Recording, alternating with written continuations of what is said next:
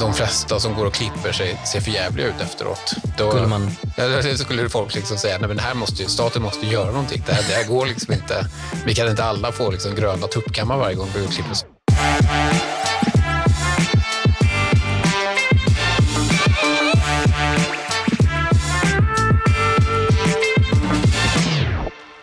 Du lyssnar på Ekonomerna med mig, John Norell, och idag har jag med mig Fredrik Kopps. Hur är läget med dig? Det är alldeles strålande idag. Hur är det med dig? Jo, det, men det är fint. Det är en underbar dag. Vad, eh, vad har du gått runt och grubblat på senaste tiden? Senaste tiden har jag grubblat på massa olika saker, men bland annat så har jag grubblat på det här med olika typer av licenser och legitimationer för att få utöva vissa typer av yrken. Ja, och då pratar vi inte om så mjukvaruprogramlicenser, Photoshop, utan typ så läkare och, och lärare och olika yrken. Mm. Precis, precis. Vad, vad är det du har eh, liksom, då reflekterat över? Ja, det som nog föranledde hela, hela reflektionen var att jag skrev en debattartikel för några veckor sedan om, om eh, taximarknaden och taxilegitimationer. Precis, för, Ehm. för att kunna jobba som taxichaufför så måste man ha en legitimation. Ja, precis. Ja, bland annat så behöver man ha det. Sen finns det en massa andra olika typer av krav. Mm. Det låter väl jättebra. Se till så att det bara är bra människor, bra chaufförer som kör taxi, eller? Ja, just det. De, de testar ju för en, en mängd olika liksom, eh, kompetenser som, Ja. eh, som är superviktiga att testa för. Ja, att man måste hitta rätt och Ja, och Kunna kunna, kunna ge bra GPS. service. Och, ja, precis. vara trevlig. Och... mm, sådana saker som man inte alls kan förvänta sig att, att eh, marknaden annars skulle lösa. Nej, ja precis. Men, men, men du menar då att det egentligen så kanske det inte är så himla bra? Nej, jag, jag tror inte att det är så himla bra för att det, det leder till ett antal olika eh, konsekvenser som inte är så gynnsamma. Så just för liksom taximarknaden, där, där tänker jag, med, om man ska liksom se på Sverige, vad har vi för olika typer av problem? Men ett av problemen som vi har är att vi har en rätt stor grupp människor som står utanför den svenska arbetsmarknaden, som inte kan komma in på, på alltså de kommer inte in på arbetsmarknaden av olika skäl. Mm. Ett av dem är att de inte har tillräckliga kompetenser för att få, få jobb i, i liksom, ja, de flesta jobben som, som finns eh, lediga. Eh, en orsak kan vara att man till exempel inte kan språket särskilt väl och det är liksom ett krav på, Mm. på rätt många arbetsplatser. Men för just taxi så, så, så tror jag inte att det är ett, ett krav, utan för att kunna köra taxi så tänker jag mig att det räcker väl att ha körkort och ha tillgång till en bil. Mm. Då kan du liksom, om jag, jag har körkort och jag har en bil, eh, jag kan ju skjutsa människor. Ja. Det, det är liksom inget problem. Jag skulle kunna, om någon ringer mig och säger jag är liksom vid tågstationen, kan du komma och hämta mig? Så kan jag, kan jag åka och hämta dem. Det är Men- inga problem. Nej, det är inga problem. Nej. Men så fort det finns en ekonomisk transaktion med här så, Mm. Så upplever man det som ett så stort problem att vi måste ha en legitimation som säkerställer att, eh, att det här går rätt till. Precis. Om, om din kompis där betalar dig 100 spänn för att eh, hämta dig på tågstationen, då plötsligt så kan du få böter för det. Mm. Ja. Då, har jag, då har jag gjort något olagligt. Ja. Och Det där blir ju ett stort problem för att det finns ju, det finns ju liksom stora grupper som står utanför arbetsmarknaden som kan ha tillgång till bil och som har körkort och som därför skulle kunna erbjuda de här tjänsterna på, på marknaden. Mm. Men vi har inte så många, vi, kan, vi ska grotta ner djupare i, i den frågan, och sådär, men, men ehm, det är inte så många yrken som är licenser på längre. Alltså vi hade ju skråväsendet ti- det tidigare Mm. och då var det ju verkligen, eh, du kunde ju inte eh, ta vilket jobb som helst. Nej, precis. Nej, då, då, innan vi har gått över till den här lite mer liberala världen som vi lever i så, så, var, ju, eh, så var man ganska styrd av, eh, av vilka yrken man kunde, kunde eh, hamna i. Det, det här uttrycket skomakare blir vid din läst är ju Mm. från den här tiden. Att man, eh, om din pappa var skomakare så blir du också skomakare. Det, Ja. liksom, eh, det, det är så det ser ut. Ja. Men så är det inte längre i Sverige i alla fall. Nej, just min skomakare är nog eh, andra generationens skomakare för sig. Ah, Men okej. det, det tror jag har med tradition att göra än, Ja. än att han tvingades in.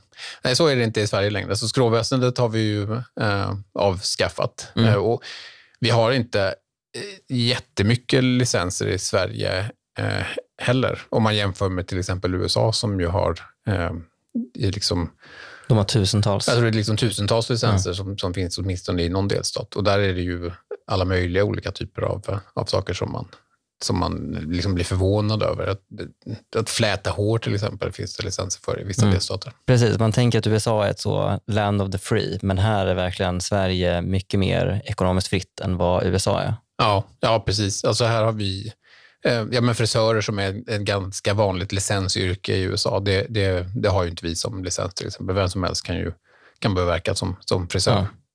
Men vad, vad har vi för licenser i Sverige då? Ja, vi har ett, jag var inne och tittade på Universitets och högskolerådet. De har en lista där de, de, de listar yrken som, som kräver licenser. Och då är det ungefär ett 50-tal eh, och de flesta av dem är liksom inom, inom sjukvård. Så det är läkare, det är sjuksköterskor, naprapater och, mm. och så vidare. och så vidare. Mm. Kan, vad, vad handlar det om? Typ? Utöver sjukvård så finns det en del andra licenser som är, som är kanske lite mer spännande, som inte jag tror de flesta skulle känna är lika uppenbara att det behövs licenser. Nej. Eh, forsrännare till exempel är en. Om man vill åka, om du och jag vill Va, åka upp till Norrland och, och, och åka forsränning. I en sån liten båt? Alltså... Ja, en sån liksom gul gummibåt som man åker ner för en fors. Eh, det är typiskt sån uh, teambuilding-aktivitet. Just det. Mm. Den som, uh, som anordnar det här måste då ha, ha en, en, en legitimation eller licens för, Aha, mm. för att få göra det. För att det är farligt? Liksom. ja, precis. Det är ju farligt att, att, att forsränna helt enkelt. Ja. Så då har, man, då har man bestämt sig för att här behövs det en, en legitimation. Ja. Eh, bergsguide är en annan. Bergsguide? Ja, bergsguide. Då, Bara gå runt i bergen? Gå runt i bergen. Och jag tror att eh, argumentet är liksom om man ska upp på glaciärer, då kan man ramla ner i glaciärsprickor och då är det, är det jätteviktigt att man har, har rätt utbildning för att ja. inte ramla ner i glaciärsprickor. Så att, eh, det är helt okej okay att gå runt i bergen ensam, men, mm. men om du vill ha en guide med dig, då måste den personen, eller vill, om du vill guida människor, mm. då, då, måste man, då måste man skaffa en statlig licens. Ja, precis. Mm. Finns det med något mer? Ja, det finns ju då ja, men taxiförarlegitimation som vi, mm. som vi inledde med att prata om. Och Sen så finns det en annan intressant eh, som har att göra med när man vill ta körkort.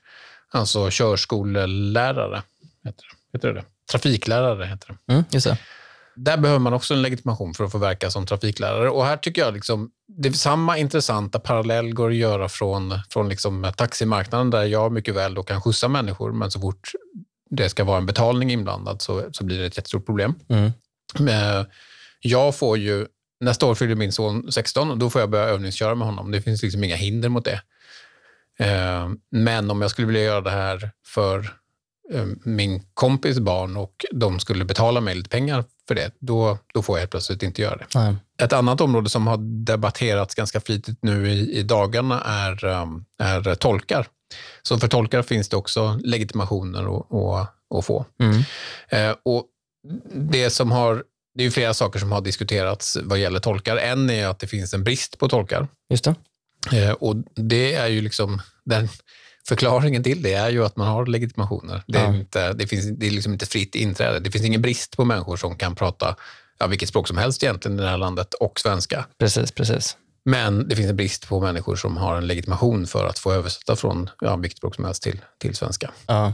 Och nu är då frågan, vad, vad, vad är argumentationen för varför, uh, varför man ska införa eller varför man ska skydda liksom, de här licenserna? Varför finns de? Liksom? Vad är det folk säger? Ja, och då brukar ju det som är det, det liksom huvudargumentet är att man vill skydda konsumenter. Mm. Så om vi inte har licenser, om vem som helst får, får utföra vilket yrke som helst, då kan kvaliteten bli, bli alldeles för dålig. Ja. För då finns det liksom ingen, ingen som helst garanti för att de som, de som ägnar sig åt ett visst yrke är tillräckligt duktiga på det yrket. Ja, man tänker att det finns ett, ett tydligt informationsproblem. Mm, att, eh, eh, om vi inte har ett system med eh, licenser för frisörer, hur ska jag kunna veta vilken frisör som är bra? Mm. Och så att jag inte liksom får en... Jag, jag ber om att så toppa lite på... Eh, liksom, bara toppa lite, men så, blir, så får, jag, en helt snagga dem istället. Du får en tuppkam istället och grönt hår. ja, exakt. Hur ska jag kunna liksom försäkra mig, liksom, se till så att det inte händer? Mm. Um, ja, för det finns ett informationsproblem. Och vad, varför, varför är det här inte då ett, ett giltigt argument? Ja, det finns ju flera invändningar att, att, uh, att göra mot det argumentet. Så liksom det, ett, ett av de första som jag tycker kan vara viktigt att göra, det är liksom att när man, när man inför en licens för ett visst yrke, då gör man typiskt sett det Eh, så att, att de som redan är inne i yrket, mm. innan det fanns en licens, de kommer få någon form av liksom övergångsregel för att få en licens eller legitimation.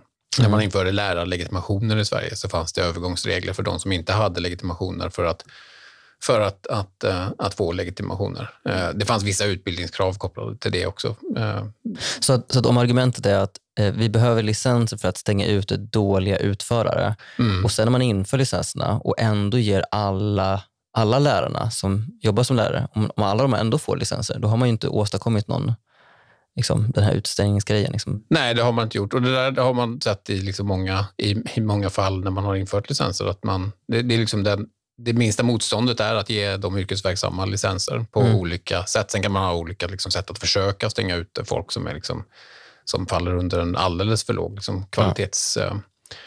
Ja. Eh, eh, så då, då faller ju liksom argumentet att man, man inför en licens för att man vill få bort de som um, inte är tillräckligt duktiga, men, men så är det liksom minsta motståndet är att, att vara ganska generös i att ge licenser och mm. legitimationer till alla som är verksamma vid, vid tidpunkten för införandet. Så då, ja, då faller ju lite grann argumentet för att det här skulle vara någonting för att hjälpa, eh, för att mm. hjälpa konsumenterna att fatta liksom rätt beslut. Så för att eh, effekten blir att eh, stänga ut potentiella eller nya eh, producenter eller utövare? Ja, det är ju liksom det är väl egentligen då det som är, är huvudinvändningen eh, som, som, eh, som finns, är att om det nu är så att konsumenter gynnas så väldigt mycket av att vi inför licenser på marknaden, mm. varför är det då inte grupper av konsumenter som efterfrågar licenser mm. på, på olika typer av, av marknader? För att de har liksom, om det är så att de flesta som går och klipper sig ser förjävliga ut efteråt, då, skulle man... så skulle folk liksom säga att här måste, staten måste göra någonting. Det här, det här går liksom inte. Vi kan inte alla få liksom gröna tuppkammar varje gång vi klipper oss. Vi vill ha helt andra frisyrer. Mm, mm. Men det ser man ju inte, utan de som typiskt sett eh, vill ha licenser, det är ju producenter. Alltså det är de som tillhör vissa yrkeskategorier. Mm. Där kom det en ny studie ganska nyligen. Eh, ett, ett papper av, av Nicholas Carollo med flera som har titeln um, The Origins and Evolutions of Occupational Licensing in the United States. Eh, de tittar på licenser och har liksom byggt upp ett dataset över licenser i olika delstater från 1870 till 2020. Mm. Och Det de visar är att när det i en delstat har dykt upp en organisation för producenter, säg att det liksom dyker upp en organisation som organiserar frisörer. Inom en femårsperiod från att en sån organisation dyker upp så är sannolikheten för att det också eh, lagstiftas om licenser för just den yrkeskategorin 15 procent högre än, eh, än annars. Det är ganska stor effekt. Ja, det är en ganska stor effekt. Så, att, så att om, om frisörerna organiserar sig mm. så är det, en, en, då är det väldigt mycket större chans att de också kommer få igenom en licens för just frisörer. Ja, precis. Med andra ord, eh, tillgängligheten blir helt enkelt sämre. Ja, alltså det är ju vad som, vad som händer i princip. Alltså det, det, det är ju liksom det starkare argumentet. Snarare än att det här skulle gynna konsumenter så gynnar det ju producenter, eller mm. producenter som då får eh, licenserna. Som människor så identifierar vi oss mer som vår roll i ekonomin som producenter. Därför att det är det, vi producerar en sak. Typ mm. Jag är ekonom och gör, jag gör bara ekonomgrejer. Liksom. Mm. Eller jag är lärare och jag gör bara lärargrejer. Liksom. Det är vad jag producerar till samhället. Medan i rollen som konsumenter så konsumerar vi alla möjliga typer av varor och tjänster hela tiden. Mm. Så därför är vi mycket mindre, identifierar vi oss i rollen som, som konsumenter än vad vi gör då i, i rollen som producenter. Mm. Eh, så då är det ju logiskt då att, att vi har fler, alltså vi har starkare producentintressen som har liksom incitament att organisera sig. Mm. Medan konsumenter är sällan särskilt organiserade. Um, och Det kan ju då förklara varför, varför det, är, det är ofta producenterna som trycker på för att man ska skapa de här licenssystemen. Men, men det i sig säger ju inte att det är till nackdelen för konsumenterna. Eller? Nej, det skulle det ju inte behöva göra. utan det, det, man, Visst, man skulle kunna tänka sig att, att uh, producenter går samman för att uh, um, konspirera för att göra det bättre för, för konsumenterna. Ja, eller att intressena liksom tangerar varandra. Ja, just det. Mm. Uh, så skulle det kunna vara, och det kanske finns exempel på det, men, men det man ser är ju snarare motsatsen. Så det är liksom klassisk eh, klassiska konsekvenser av, av liksom, eh, monopolmakt helt enkelt. Mm. tillgängligheten blir sämre och priserna blir eh, högre. Precis. Jag hittade en studie från, även lite gammal i och för sig, men från 1978 av eh, Lawrence Shepard eh, från University of California. Och, eh, I den studien så kollar de på skillnader i priser för tandläkartjänster, eller vad kallar man det? Tand ja, ja, tandläkartjänster. Eh, mellan olika delstater. Vissa delstater eh, erkänner eh, licenser, tandläkarlicenser från andra delstater och vissa gör inte det. Och då helt enkelt bara tittar de på, finns det skillnader i priser mellan de här två olika typerna av policy? Um, och eh, såg då att, att eh, när, man, när man förhindrar eh, tandläkare från andra delstater att verka, eller som har fått sin licens från en annan delstat, från att verka i den, i den specifika delstaten, så blir priserna mellan 12 och 15 procent högre. Mm. Och en, en studie från, från Kanada eh, hittade att eh, när, det, när man införde olika licenser, eh, ett 20-tal olika, inom ett 20-tal olika professioner, så ökade, eh, ökade inkomsterna hos de professionerna med eh, ungefär 27 procent. Så att tydligt är ju att man får man får högre priser i alla fall. Mm. Och vi har också ett, ett svenskt nutida exempel på liksom motsatsen där man har utmanat licensen. När företaget Uber lanserade den här tjänsten Uberpop för ett antal år sedan. Just det. Som mm. är, Uber finns ju fortfarande kvar på den svenska marknaden, men är ju liksom som ett vanligt licenstaxibolag som man kan köra för. Mm. Men Uberpop var en, en tjänst där, där du och jag som privatperson hade kunnat använda, eller kunde under en viss period använda vår egen bil och erbjuda liksom, uh, man kallade det ju inte för taxitjänst, man kallade det för uh, Samkörningar? Samkörningar, precis. Mm. Någon sån här delningstjänst. Så tanken var väl egentligen att jag ska köra från Stockholm till Lund och då kan jag lägga upp här att någon får åka med mig och så får man betala liksom mm. en summa pengar för det. Det var så man argumenterade? Men... Ja, men i praktiken så, så var det ju att man eh, i, åtminstone till viss del skjutsade runt folk. Det var ju liksom någonting som liknade taxitjänsten helt enkelt. Ja. det innebar ju att tillgängligheten blev betydligt bättre eh, på den svenska marknaden. I liksom orter där, eller i i lägen där, där uh, taxibilar normalt sett inte rör sig. Men som här mm. på Kungsgatan så är det, ju, är det ju ganska enkelt att få tag i en taxi. Det är bara att gå ut på Kungsgatan och vinka mm. in en taxi. Det, det går rätt snabbt.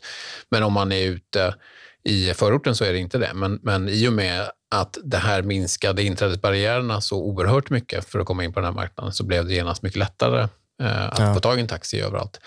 Och priserna sjönk med med uppåt 60 procent. Det är en oerhört stor effekt. Det är jättestor effekt. Ja. Och, och, en viss del av den där eh, prissänkningen kanske handlar om, för det var liksom oklarheter kring eh, liksom, eh, skatteregler och sådär. Så det kan ju kanske förklara en viss del av den där. Ja, jag tror det. Jag mm. tror att liksom den, för det är ju en jättestor prissänkning förstås. Och det, det, tror jag kanske, om den här tjänsten hade överlevt längre så hade kanske priserna stabiliserats liksom när, ja. när man liksom sätter det institutionella ramverket för den här tjänsten. Att de som kör uh, blir liksom medvetna om att det här måste tas upp till beskattning. Jag vet inte om det var liksom hundraprocentigt att man gjorde det. Mm. Med andra ord, priserna blir högre, tillgängligheten sämre. Mm. Hur påverkas arbetsmarknaden? Du har nämnt ja. lite om taxi. Ja, precis. Så där blir ju liksom samma, eh, samma problem. Så det här blir ju det är dåligt för konsumenterna för att ja, tillgängligheten blir sämre och, och priserna högre, men, men det påverkar ju också arbetsmarknaden. Då. Och där är ju, det är ju liksom den stora poängen. Så producenterna vill eh, stänga ute andra, eh, alltså människor som vill komma in på marknaden och erbjuda sina tjänster. Det är liksom en av, av huvudpoängerna med eh, med licenserna mm. från, från producentorganisationerna. Eh, så då blir det svårare att ta sig in på, på marknaden. Mm. Taxi har vi pratat om, där liksom det krävs eh, en rad olika saker för att få, få köra taxi. Så det är liksom svårare att ta sig in på den marknaden. Vad är det som krävs då, mer än den här taxilicensen? Ja, det behöver då taxiförarlegitimationen. Och det, är inte, det är kanske inte en jättestor eh, tröskel att ta sig in, men sen så behöver du också en kvittoskrivande taxameter i din bil. Det kostar pengar att köpa en sån och installera den. Eh, och sen så behöver du ett eh, trafikförartillstånd som du har för, för, din, eh, för din bil. Mm. Och det kräver ett kapitalkrav på, på 100 000 kronor. Eh, för den första bilen och sen är det 50 000 kronor för, för bil nummer två och tre och så vidare. Men det, så det blir ganska mycket pengar. Eh, de där pengarna kan ju vara liksom upplåsta i bilen, men det gör ju att den, den liksom billigaste bil du kan köra taxi med blir ju ganska, ganska dyr. Mm. Så det stänger ju också ut människor.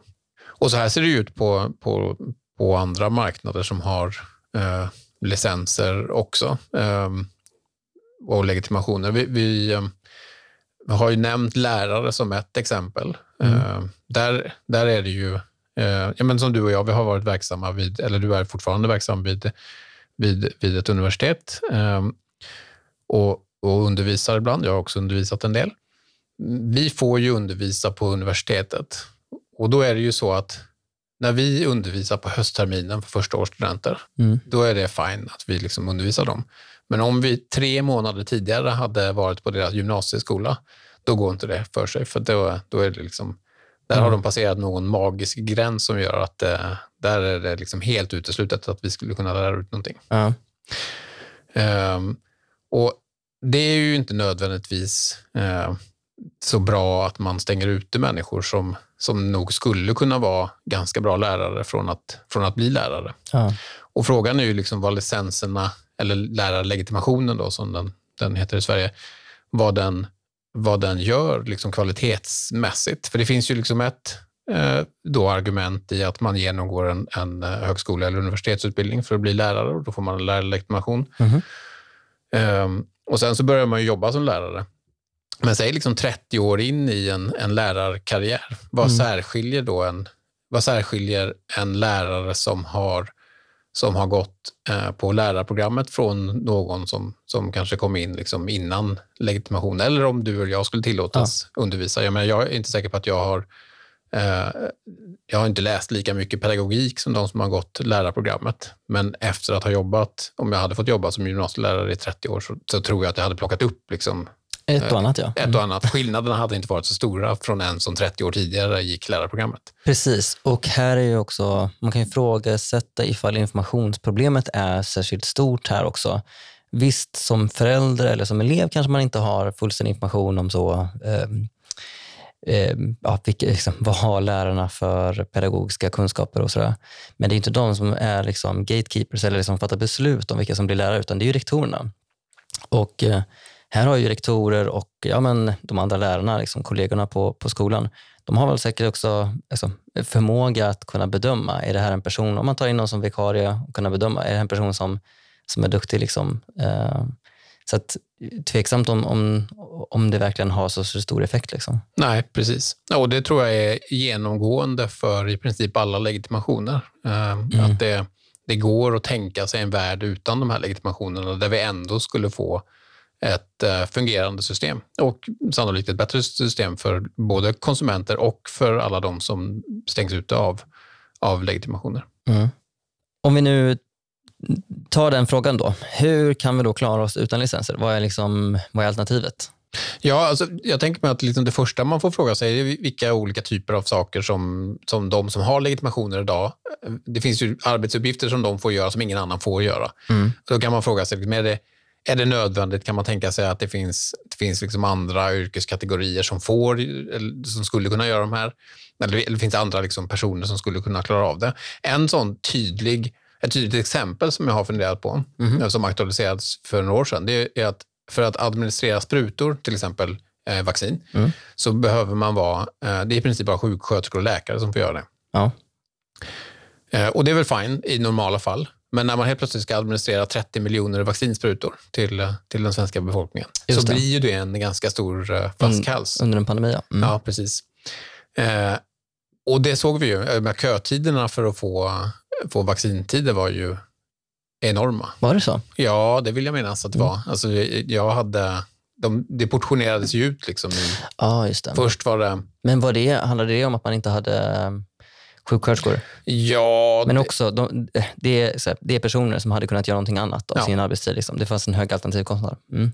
Så är det nog. Men du menar alltså att, att vem som helst skulle kunna i, administrera sprutor? Ja, om man får vara raljant så är det ju så att heroinmissbrukare klarar ju av att sticka sig själva i armarna. Ja. Eh, så då kan man ju tänka sig, jag föreslår inte jag vill vara tydlig med att heroinmissbrukare borde administrera vaccin. Men man kan tänka sig att det finns till exempel undersköterskor som skulle klara av att, att lära sig att göra det här. Eller liksom, jag är rätt säker på att jag skulle klara av att lära mig det här. Absolut. Mm. Eh, det är liksom sticka någon i armen det är inte, det är inte jättekomplicerat. Mm, nej. Eh, så där har vi liksom en, det är en, en liksom tydlig arbetsuppgift som man hade kunnat lägga över på, eh, på andra än liksom mm. de som har har licens att, att göra det. Och gör man det, ja, men då, precis som du säger, så frigör man tid för, för dem att göra andra saker som man kanske tycker är viktigt att de ska ägna sig åt. Um, om man vill behålla liksom, licenser för vissa av de där. Men det, även det är jag inte säker på är, är nödvändigt. Ja.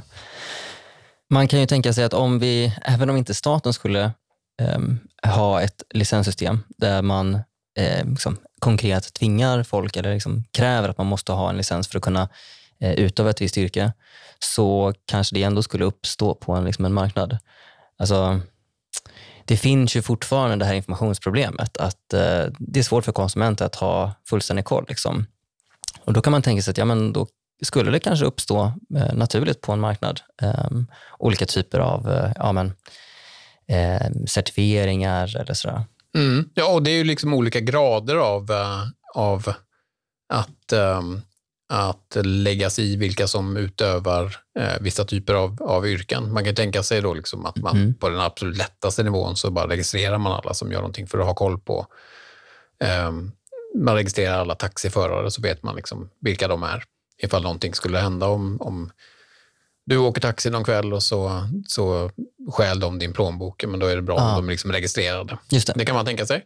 Och så kan man tänka sig liksom ett ytterligare steg upp från det, eh, som du nämner, att man har någon form av liksom certifiering. Mm. Den skulle ju kunna vara statlig, men det är inte nödvändigt att den behöver vara mm. det. Och sen är det liksom det mest strikta, det vi har pratat om, det är att man har liksom legitimationer. Så skillnaden mellan legitimation och certifiering skulle vara att eh, staten skulle kunna säkerställa precis samma liksom, eh, kvalitet som de säger sig säkerställa med, med legitimationerna. Mm. Men om du inte är certifierad får du ändå liksom utföra tjänsterna. Ja. Eh, och sen så kan ju konsumenter, för då har du ju löst informationsproblemet. Men då, då kan du, eh, ja, om det nu är en lösning på informationsproblemet, vilket man då menar med, med licenserna, mm. då kan ju du som konsument eh, gå ut på marknaden och så ser du liksom, ja, men här har vi en frisör som är certifierad av staten. Yep. Eh, då klipper jag mig där, för att om jag går och klipper mig hos de andra så får jag grönt hår och tuppkam. Exakt. Och, och, det finns eh, exempel på det här, eller?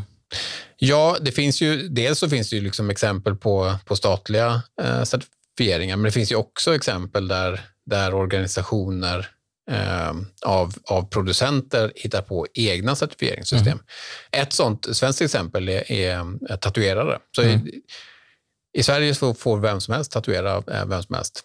Mm, det finns liksom inga begränsningar för att ta sig in på den marknaden. Mm. Eh, man ska ju uppfylla vissa liksom hygieniska krav och sådär, men, men, men inte, inte större än så. Det finns ju liksom ingen statlig nämnd som kontrollerar om du eh, har tillräckligt goda artistiska kunskaper att du, du kan rita fint nog. Liksom. Ja. Eh, där har det då dykt upp en organisation som heter Sveriges registrerade tatuerare som erbjuder eh, olika typer av liksom, nivåer för, för eh, de kallar det för gesällbrev och, och mästarbrev. Eh, där man då får liksom signalera att man är en liksom, seriös aktör, att man, man uh, använder liksom rätt metoder för att uh, ha liksom en hygienisk arbetsprocess och så vidare. Och så vidare. Um, och det här har liksom uppstått eh, spontant på marknaden då? Ja, precis. En kvalitetsstämpel? Mm. Det är en kvalitetsstämpel som, som man som eh, tatuerare kan, kan ansöka om och, och, få vara med i den här liksom, organisationen.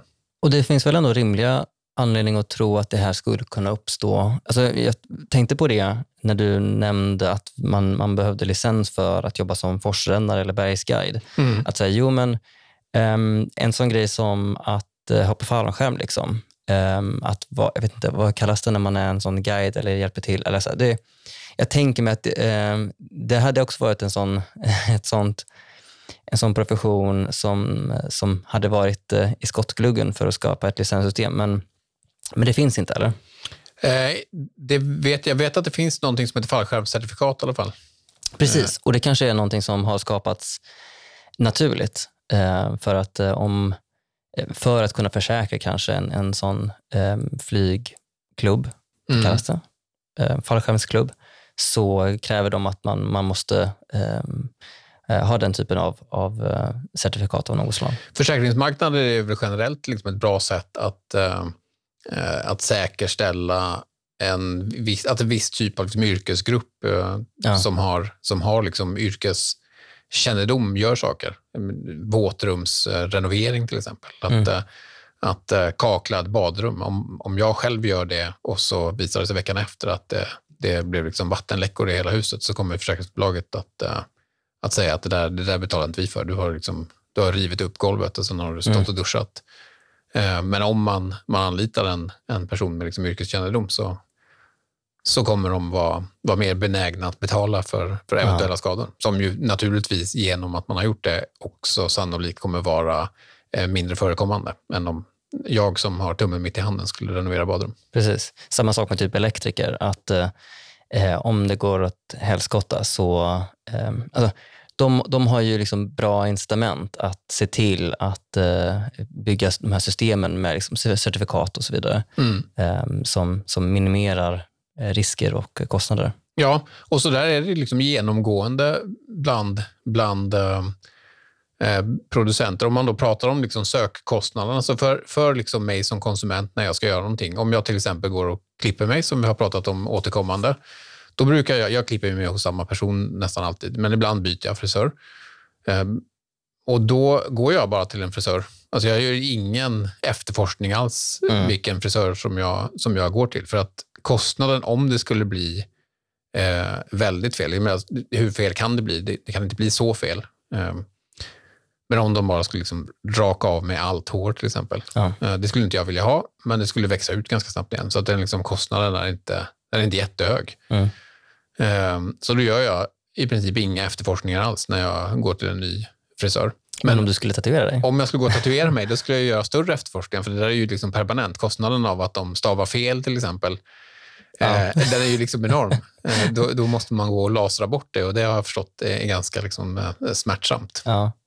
Precis, det, exakt. Det är hyfsat så permanent. Ja. så, det... så det är ju liksom det ena argumentet, då, att konsumenten, när liksom kostnaden för fel blir större, då kommer man ju att, att göra större eh, efterforskningar. Mm. Och väljer man att inte göra det, eh, till exempel med, exempel, med, med till exempel med, med, en tatuering, då det, det är liksom inget problem. Du har ju själv du har själv eh, gjort den avvägningen. att mm. Jag orkar inte lägga ner så mycket tid på att se om den här, kan han ens liksom, eh, kan han tatuera den här ja. människan? Eh, då, det, liksom, det, drabbar ingen annan än dig själv och det måste man ju liksom tillåta människor att, att fatta sådana beslut också.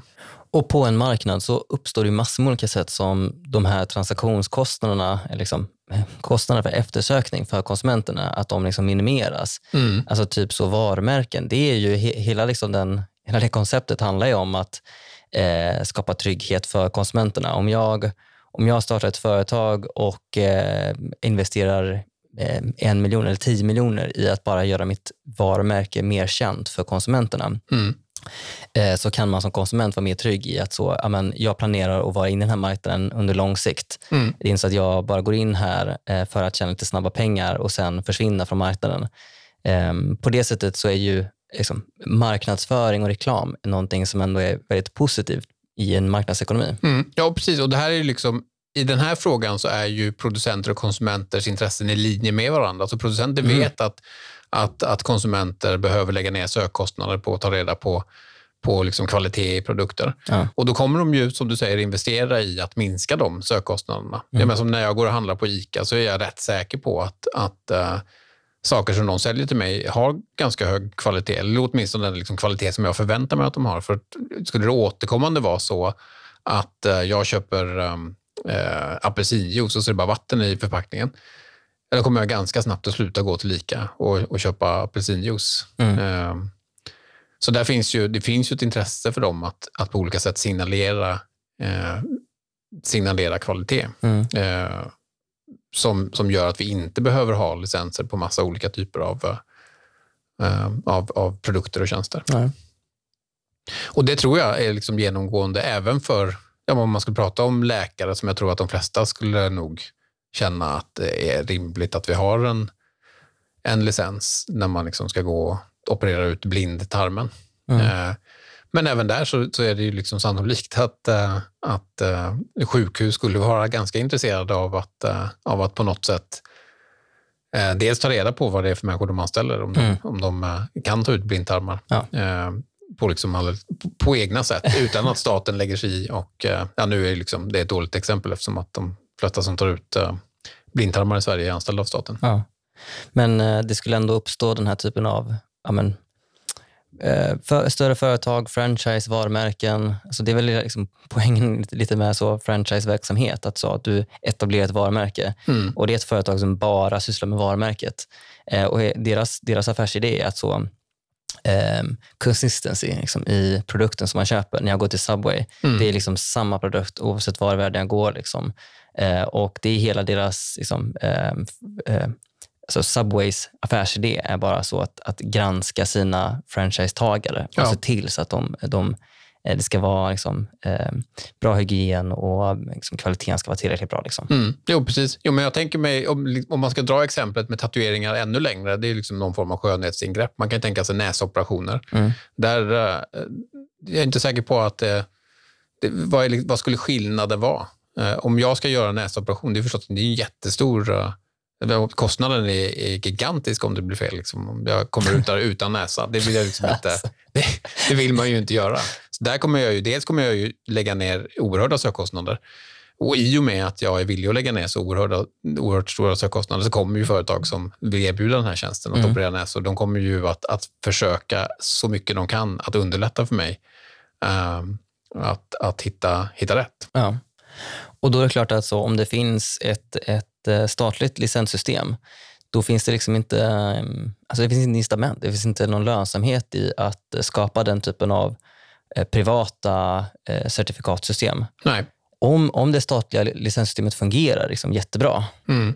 så kanske det uppfyller liksom en, en, en poäng där då.